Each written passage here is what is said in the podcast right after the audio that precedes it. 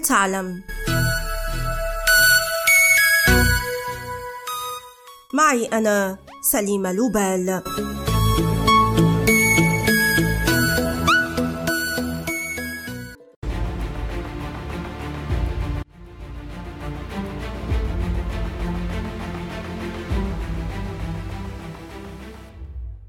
سبتمبر من العام 2009 بمناسبة اليوم العالمي للسلام التقى فريق شركة أديداس لكرة القدم مع نظيره في شركة بيوما على ميدان ملعب مدينة هرزغنورا كان هذا اللقاء الأول من نوعه منذ 60 عاما وبالضبط منذ عام 1948 العام الذي تخاصم فيه الأخوين آدي ورودي داسلر حتى موتهما وانفصلا ليؤسس كل منهما. شركته الخاصة لصناعة الأحذية الرياضية بينما لا تفصل بينهما سوى بضعة مئات من الأمتار. مضت عقود من المنافسة بين الشركتين كانت كفيلة بتقسيم سكان المدينة الألمانية. تبدو قصة الشقيقين العدوين أدولف ورودولف داسلر عجيبة لقد بدأت في نهاية الحرب العالمية الأولى في عام 1918 في ذلك العام عاد أدولف داسلر الملقب بأدي إلى مسقط رأسه حيث ولد العام 1900 بعد أن قضى سنة كاملة في فرنسا. وجد أدي والده وكان إسكافيا متواضعا ووالدته التي تدير مغسلة في منزل العائلة في مدينة هرزغونورا التي اشتهرت على مر العصور بصناعة الأحذية. وكان هذا السبب كافيا لينخرط الشاب في هذه الصناعة. بدأ أدي بصناعة الأحذية في مغسلة والدته انطلاقا من بقايا الجلود المسترجعة من مخازن الجيش الألماني العام 1919 استهدف العمال في البداية ثم تخصص في صناعة أحذية الجري الرياضة التي كان يحبها وما هي إلا فترة قصيرة حتى أصبح لأحذيته معجبون ما مكنه من تأسيس شركة متواضعة. وبسبب ارتفاع الطلب على الأحذية الرياضية ثم انتشار نوادي كرة القدم في ألمانيا دعا أدي شقيقه رودولف الذي يكبره بعامين للعمل إلى جانبه. كان رودولف الملقب برودي يعمل شرطيا في المدينة قبل أن يلتحق بشركة شقيقه كمسؤول مبيعات. وظيفة تناسب مزاجه تماما بينما اهتم أدي بصناعة الأحذية وتصميم موديلات جديدة وهكذا تمت الشراكة بين الشقيقين اللذين أسسا العام 1924 شركة الأخوين داسلر واستحوذ كل منهما على نصف الأصول. ركز أدي جهوده على تصميم موديلات جديدة بينما زار شقيقه رودي كل النوادي الرياضية ونجح في بيع الأحذية للمنتخب الألماني لكرة القدم الذي كان يستعد للمشاركة في الألعاب الأولمبية في أمستردام العام 1928 ساهمت هذه الطلبية في شهرة الشركة التي نمت بينما كان الشقيقان ما يزالان يتقاسمان المكتب ذاته ويعيشان في الفيلا ذاتها. في ذلك العام ارتبط رودي بامرأة هادئة وبعد ستة أعوام تزوج إيدي بامرأة حازمة. ولأن الجميع كانوا يعيشون تحت سقف واحد أذكت المشاكل والخلافات بين الزوجتين والشقيقين اللذين كانا مختلفين إيديولوجيا. إذ كان رودي لا يخفي تعاطفه مع النظام النازي عكس شقيقه المؤيد للنظام الشديد.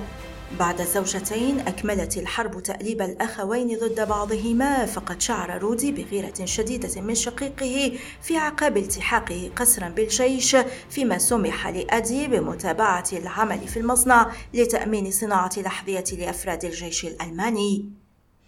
عاد رودي إلى مدينته بعد أن فر من الجيش في أبريل 1945 ثم قرر استعادة منصبه في الشركة لكن الجستابو أوقفه ولم تنجه من الإعدام سوى شهادة طبية مزورة لكن متاعبه لم تنتهي عند هذا الحد. فبعد وقت قصير من استسلام ألمانيا اعتقله الأمريكيون بسبب تعاطفه مع النازيين هذه المرة ليحكم عليه بالسجن عاما كاملا. كان كافيا ليملأ قلبه بالحقد والكراهية ضد شقيقه الذي كرس المصنع لصناعة أحذية للقوات الأمريكية. قرر الشقيقان مباشرة بعد نهاية الحرب العالمية الثانية فض الشراكة وتقسيم أصول الشركة بينهما.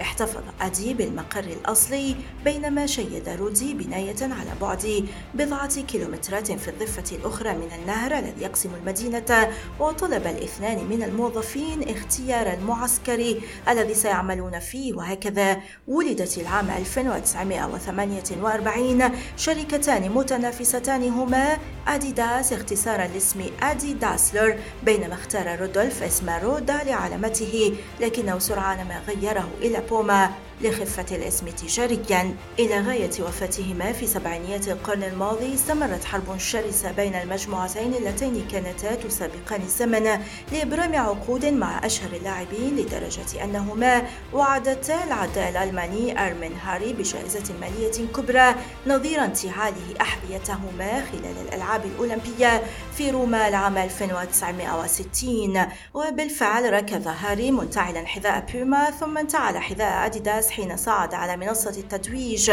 ما أغضب الشقيقين اللذين قررا حرمانه من الجائزة.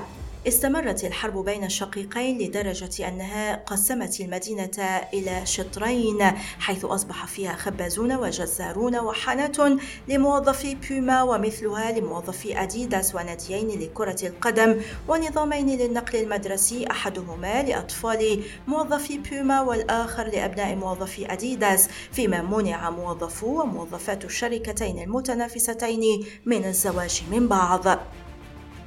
تلقب مدينة هرزغنورا بمدينة الرؤوس المنحنية. فهذه المدينة هي المدينة الوحيدة التي يبدأ سكانها برمق أحذية محدثيهم قبل الموافقة على التحدث إليهم. لم يعبأ الورثة الجدد بتوأمة الشركتين ففي عام 1986 حاول أرمين داسلر نجل رودي إدراج بيوما في البورصة لرفع رأس مالها إلى أن استحوذ عليها دوتشي بانك وأبعده من المجموعة فيما ترك هورست داسلر نجل أدي شركته لأطفاله الستة بعد وفاته العام 1987 ليقرر الورثة بعد حرب حامية بيع أديداس للملياردير الفرنسي برنار تابي العام 2000 1990 وكان على العالم أن ينتظر 20 عاما حتى يلتقي موظف شركتين في ملعب كرة القدم وتصور وأن ذلك حصل قبل 13 عاما فقط.